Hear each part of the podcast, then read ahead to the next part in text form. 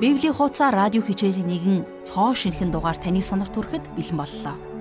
Өнөөдөр бид хамтдаа Эхлэл номын 29-р бүлгээс гэрээсээ зүхтаж утсан Яаковын амьдрал хэрхэн өрнсөн тухай хамтдаа үзэх болно. Шинэ гэрээний Галаат номын 6 дугаар бүлгийн 7-оос 8 дугаар ишлэлдэр ингэж бичсэн байдаг. Бүүм эхлэгд. Бурхан илэг доог болохгүй.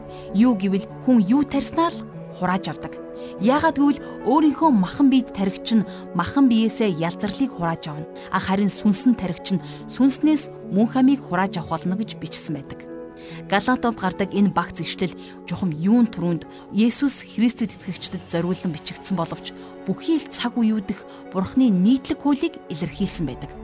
Энэ бүхэн амьдралын бүхий салбарт үнэн байдаг гэсэн үг. Та эрдэн шиш тариул эрдэн шиш л хурааж авна. А хэрвээ та хөвөн тариул хөвөн л хурааж авна. Буудаа тарвал буудаагаа л хурааж авна. Энэ бүлгийг бүхэлд нь өөдөө хайсан чулуу өөрийн толгой дээр гэж нэрлэж болох юм. Бүлгийн эхнээс л Яаков буруу үлсийнхээ үр жимсийг хурааж эхлэх болно. Ингээд Яаков чухам юу тохиолдсон талаар хамтдаа үздэцгээе. Хэрвээ танд хичээлтэй холбоотой санал хүсэл байвал нэвтрүүлгийн дараа хэлэх имэйл хаягаар хандан бидэнд загтал өчөөрэй. Харин одоо хичээлээ эхлүүлээд бурханд хандаж залбирцгаая. Бурхан минь, бид өнөөдрийн энэ хичээлийн төлөө онцгойлон танд талархаж бас таньдаа өргөж байна. Энэ цагийг эхнээс нь та дуустал өөрийн ариун сүнсээрээ хамт байж өгч та бидний зүрхсэтгэл дотор өөрийн үгийг шигтгэн ойлгуулж өгөөрэй. Та биднийг Яаковын тэрхүү амьдралаас юуг сураасаа гэж хүсэж гин гэдгийг та ариун сүнсээр дамжуулан та тодорхой сануулж хэлээрэй. Бид танд бүхий л ам амьдралаа даатгаж таны үгийг өргөж Иесус Христийн нэрээр залбирлаа. Амен. Харин одоо жаргал агшийнхаа хичээлд анхаарлаа хандуулъя. За өнөөдөр эхлэл номоо бүгдээр үргэлжлүүлэн үздэцгээе. Ингээд өнөөдрийн хичээл 29 дэх бүлгээс эхлэх болно. За ингээд 29 дэх бүлгийг хамтдаа гаргацгаая. А 1-ээс 3 дугаар ишлэл.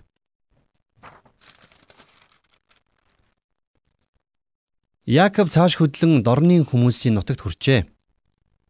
Тэрээр харвал талд нэгэн худаг байх ба дэрэгд нь гурван хэсэг хонин сүрэг хэвтэж байв. Учир нь хончид тэр худгаас хонио усалдаг ажээ. Худгийнхаа амийг чулуугаар дараад бүх сүргийг цуглах үед худгийн амнаас чулууг өнгөрхүүлэн зайлуулж хонио услаад дараа нь уг чулууга худгийн амсар дээр буцаан тавьдаг байжээ. За тэгэхээр тэр нутагт ус ямар их чухал байсныг бид нар эндээс харж болно. За өнөөдөр ч гэсэн олон газар ус хамгийн үн цэнтэй зүйл хിവэр байна. За тухайн үед худаг усыг хэмнэж хамгаалах ёстой байсан. За тийм ч учраас тодорхой цагт худгийн аман дээрх чулууг зайлуулж за хүн бүр хондоо усалж хэрэгцээнийхэн хэрээр ус авдаг байсан байна. За ингэсний дараагаар худгийг буцаагаад чулуугаар тагладаг байсан. За хончид ингэж чулууг зайлуулахаас өмнө Яков тэнд очисон байна. За тэр өмнөх шигэ нилээн бардам сэхүүн хിവэр байсан гэдгийг санаарай. За 4-5 дугаар ишлэгийг харъя. Яаков тэдэнд хандаж "Ах トゥ нар минь та нар хаанаас ирсэн бэ?" гэж асуусанд тэд "Бид хараанаас ирсэн" гэв. Яаков тэднээс "Та нар Нахорын аж ахуй Лабаныг таних уу?" гэхэд тэд "Бид түүнийг мэднэ" гэв. За тэд нар мэдээж Лабаныг таньж байсан. Харин Яаков түүнийг хараахан таниагүй л байв. А гэхдээ тун удахгүй тэрээр Лабантай нүүр тулах болно. За 6-аас 7 дугаар ишлэгийг харъя. Яаков тэднээс тэр сайн уу гэж асуусанд тэд сайн. Түүний охин Рахел одоо хонио туугаад ирнэ гэж хариулв. Яаков өдөр яагаачгүй байна. Хонин сүрэг цуглах цаг болоогүй байна. Хонио услаад бэлчээрт гарга гэв. За харж гинөө. Яаков энэ нутагт дөнгөж ирэнгүүтэл нутгийн хүмүүст хонио яаж услах, юу хийхийг зааж эхэлж байна. За энэ ч өстө үнэхээр л жинхэнэ түүний зан чанарыг илтгэж байна. За 8-9 дэх ишлэл. Тэд бид чадахгүй. Бүх сүргийг цуглахаар хончид худгийн амсраас чулууг өнгөрүүлэн зайлуулад бид хонио усалдаг гэв. Яаковыг тэдэнтэй ярьж байхад Рахел эцгийнхээ хоныг тууж ирэв. Тэрээр хончин байжээ. За Рахел гихч нэмэгтэй хонь хариулдаг. За хончин байсан. За тухайн үед эмэгтэйчүүд голдуу хонь хариулдаг байсан. За манайд ч гэсэн бас ир эмгүүл хонь хариулж байдаг. За цааш нь харъя 10 дугаар ишлэлээс. Яаков нагцах Лабаны охин Рахел болон нагцах Лабаны хоныг хараад ойртон очиж худгийн амнаас чулууг өнгөрүүлэн зайлуулж нагцах Лабаны хонин сүргийг услав. За ямар ч тач Яаков нагцахынхаа хоныг усалсан байна. За Яаков болвол хинэгний биш зөвхөн өөрийнхөө хуулийг л дагдаг хүн байсан. Тэрээр амьдралынхаа турш за ялангуяа амьдралынхаа эхний хагаст тоглоомын дүрмийг зөвхөн өөрөө өртөл зохиож байсан. За харин одоо бол тэр нагцах Лабанаас маш их зүйлийг сурч авах болно. За 11-р ишлэлийг товчхон харъя.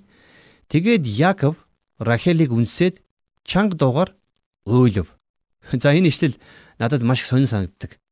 За үннийг хэлэхэд тэр яагаад охиныг үнсэж за тэгээд бас яагаад уйлсныг нь бол ойлгоход хэцүү байгаа. А гэхдээ тэр гэрээсээ гарсан өдрөөсөө хойш ганцаарх аялсан. Тэр Битэлээс Галил нуур хүртэл явж за тэндээсээ Сир хүрсэн. Тэгээд тэр цөлийг хөндлөн тулж явхдаа за мэдээж маш олон юмтай нүүр тулж за их ч юм үдсэн байх гэж би боддог. За тэгээд ингээд явсаар байгаа тэр худаг дээр ирээд тэгээд тэнд байсан ирчүүдтэй мэндэлж тэдэнтэй яг л эртний танил шиг харьцсан. Тэгээд тэр тэднээс ойр зургийн зүйлс асууж ярилцсныхаа дараагаар худгийн амдах чулууг зайлуулж өгсөн. Тэгээд э, ээжийнхэн хамаатны энэ охинтой уулзаад сэтгэл нь маш их хөдөлснөөс болж уйлсан байхаа гэж би таамаглаж байгаа. За магадгүй тэр охины царай ээжийнхэн залуу үеийн төрхтэй их адилхан байсан ч гэж болох юм. Тэгээд тэр ээжигээ санаад уйлсан байж магадгүй. За миний хувьд бол энэ хэсгийг ингэж л тайлбарлах байна. Харин дараагийн удаа уулзахдаа тэр Рахелийг үнсээд уйлаагүй гэдэгтээ бол би итгэлтэй байна. За 12 дугаар ишлэгийг харъя. Рахелд өөрийгөө эцгийнхэн дүү Ребекагийн хүү гэдгийг хэлсэнд тэрээр гүн явж эцэгтэй хэлв. За тэр өөрийгөө Рахелд аавынхын дүү байгаа юм а гэж танилцуулсан. Еврей хэлэнд өнөөгийн бид нар шиг нарийн тодорхой хэлдэггүй. За нарийнда бол Яаков Лабаны дүүгийн хүүхэд буюу Зэ дүүн байсан. Харин тухайн үед ийм хамаатан садан байх юм бол зүгээр л ах за эсвэл дүү гэж нэрлэдэг байсан. За тиймээс чи энд Яаков Лабаны дүү гэдгээ хэлж байна.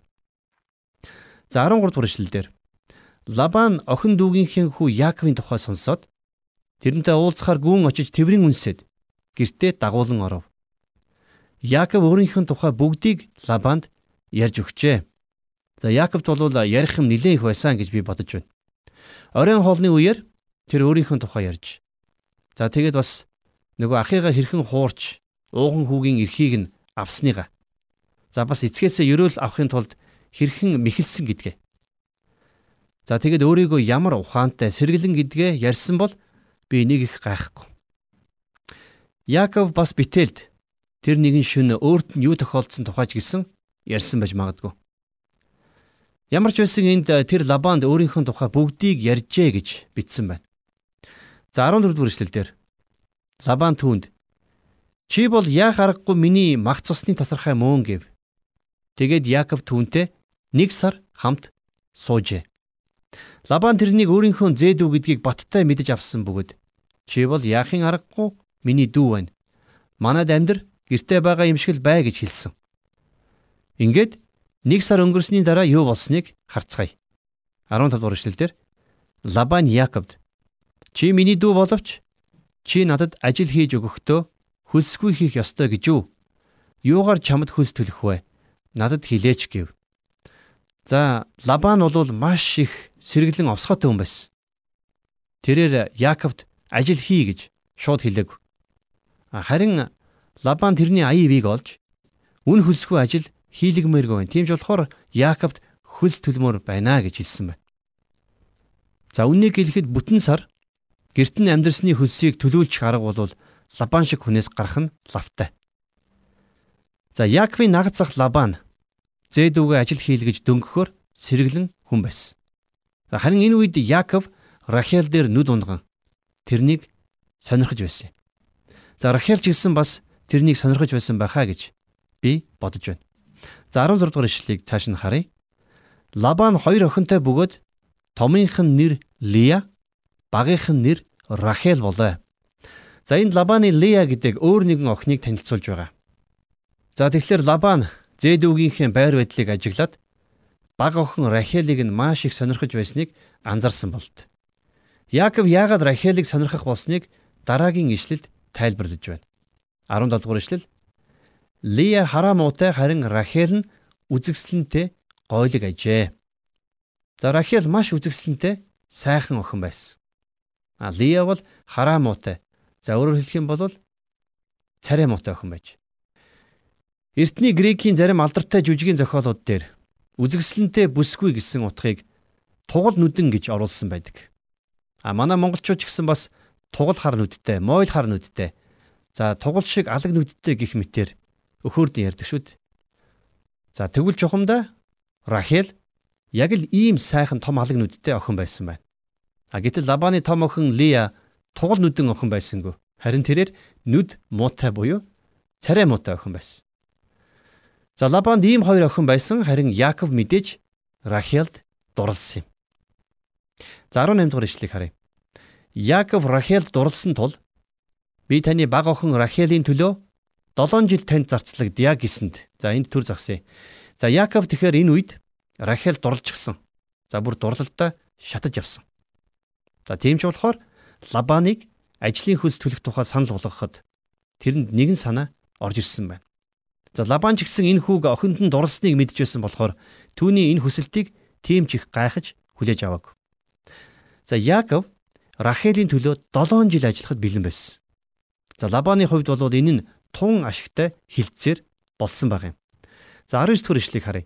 Лабан түүнийг өөр хүнд өгснөөс чамд өгснөн дээр надтай хамт бай гэжээ. За Лабан Яаковын саналыг хүлээж авсан. За дараагийн ишлэлд Яаковын тухай маш их сэтгэл хөдлөм тийм зүйлийг өгүүлж байгаа. За үннийг хэлэхэд Яаковын амьдралын эхний жилүүдэд Рахел дурлсан хайр сэтгэлээс нь өөр тийм сэтгэл хөдлөм сайн сайхан зүйл бараг байхгүй байсан. За 20 дугаар ишлэлийг харъя. Яаков Рахелийн төлөө 7 жил Лабан зарагджээ. Яаков түүнд хайртай байсан тул 7 жил нь түүнд хидхэн хоног мэт санагджээ.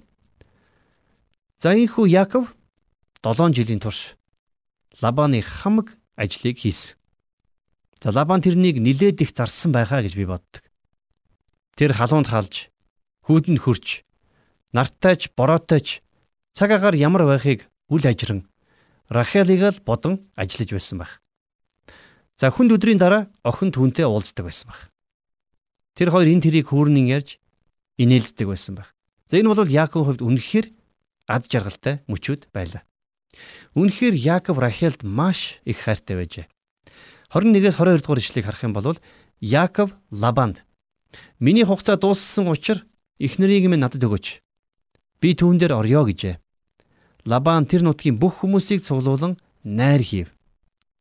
За байзаар одоо одоо биш тэ нагцах Лабан юу хийхийг хараарай. За 23-аас 26 дугаар ишлэл маш сонирхолтой ишлэл. Үдшин Лабан охин Лияга Яаковд авчирсанд Яаков түүн дээр оржээ. Лабан өөрийн зарц бүсгүй Зилпаг охин Лияда шивгчин болгон өгчээ. Яаков өглөө нь харсан чинь тэр нь Лия байв. Тэгээд тэрээр Лабанд та надад яагаад ингэсэн бэ? Би Рахелийн төлөө тань зарцлагдсан биш үү? Та юунд намайг мэхэлсэн бэ гэхэд Лабан манай нутагт ихчээс нь төрүүлж дүүг нь урдаар өгөх ёс байхгүй. За ингэж хэлсэн байна. Тэгээ тухайн үед бол хурмын ёслолын үеэр сүт бүсгүйд гівлүүр за маш зузаан гівлүүр зүйлэгдэг байсан болохоор царай нь харагддаг байж.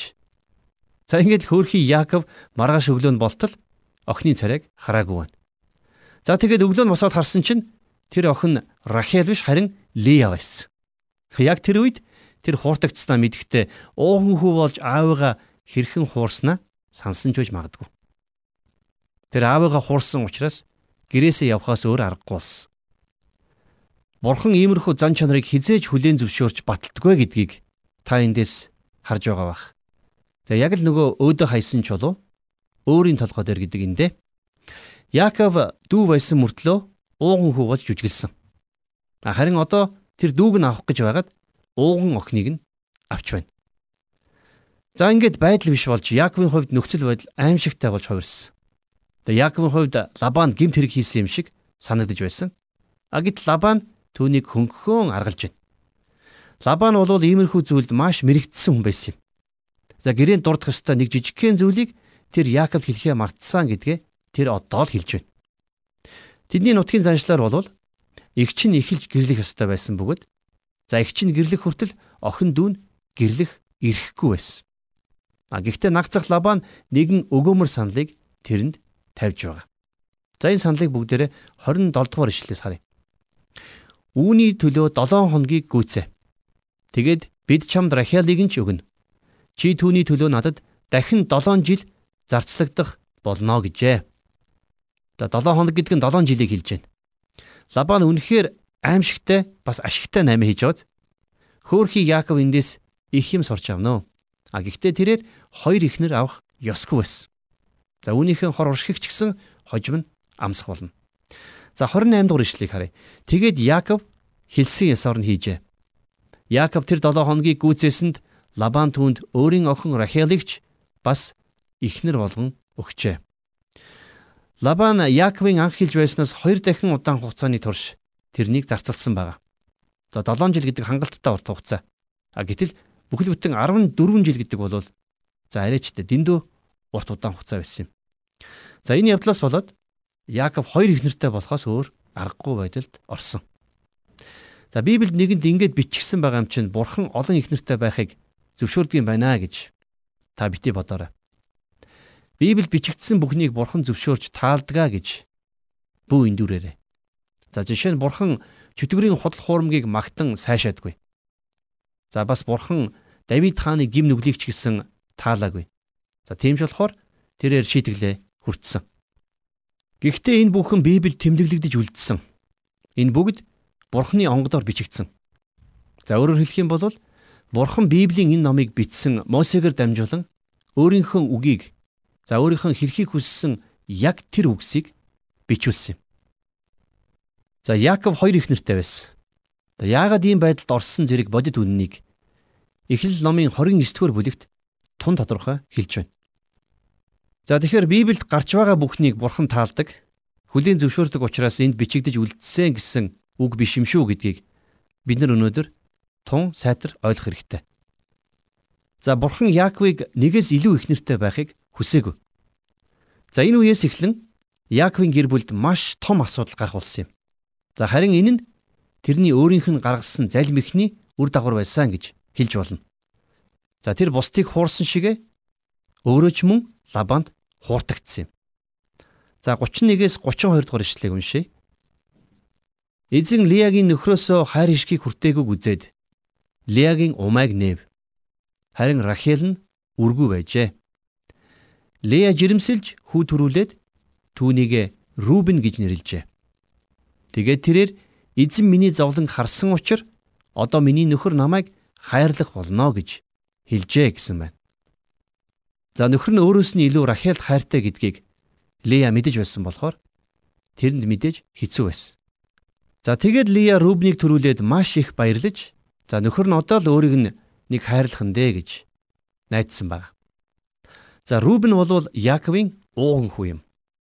А гэхдээ тэрээр Христийн удмын хүн болж чадаагүй. Харин Леягийн дөрөвдөх хүү Юда хааны удмын хүн болсон. За тэгэхээр Давид хаан бол Юдагийн удмын хүн байсан. За хожим Есүс Христ ч гэсэн энэ дэлхийд мэдлэгтэй Юдагийн удмаас төрсөн юм. За гим нүглээсээ болоод Рубен ууган хүүгийнхээ эрхийг алдсан. За Лиягийн өөр нэг хүү Леви болвол тахилчийн овг болсон юм. За үүн дээр Лия Яаковын олон гарамгай хүүгүүдийг төрүүлж өсгсөн байна.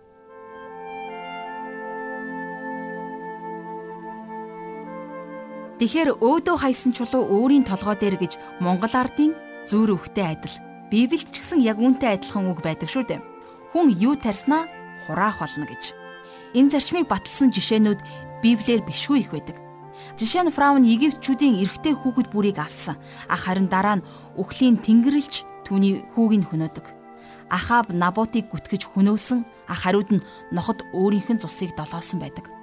Бурхны иш үзүүлэгч Илиягаар дамжуулан үгээ хэлж Наботын цусыг ноход долоосон шиг Рахаб Ахабын цусыг ч гэсэн ноход долоох болно гэж зүгэнсэн байдаг.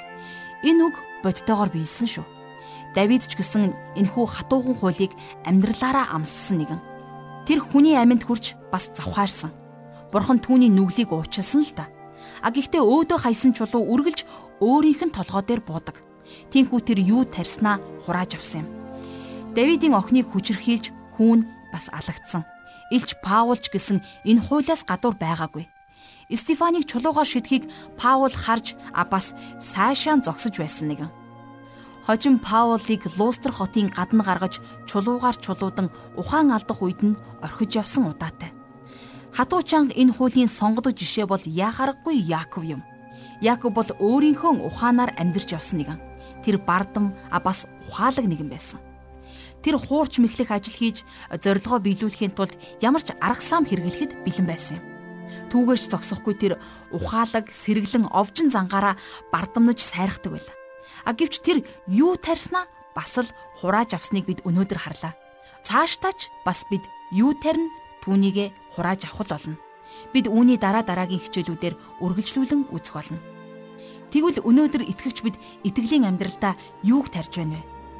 Та өөдөө юуг шидэж байна вэ? Хэрв та худал хуурмгийг бас бузар мөг тарьж байгаа бол яг одоо энэ цагт эзний өмнө гимшицгээе. Эзний уучлал нэгүслийг эрен хайцгаая. Бурхан минь та бидний тарьсан таны өмнө тааламжгүй тэр бүх гим нүгэл буруу үйлдэлүүдийг уучлан өршөөгөөч. Өдөр бүр бузар мууг биш харин сайныг таны мэлмэд тааламжтай тэр зөв зүйлийг үйлдэж амьдрахад бидэнд тусалж та бас биднийг удирдан жолоодож хянж өгөөч.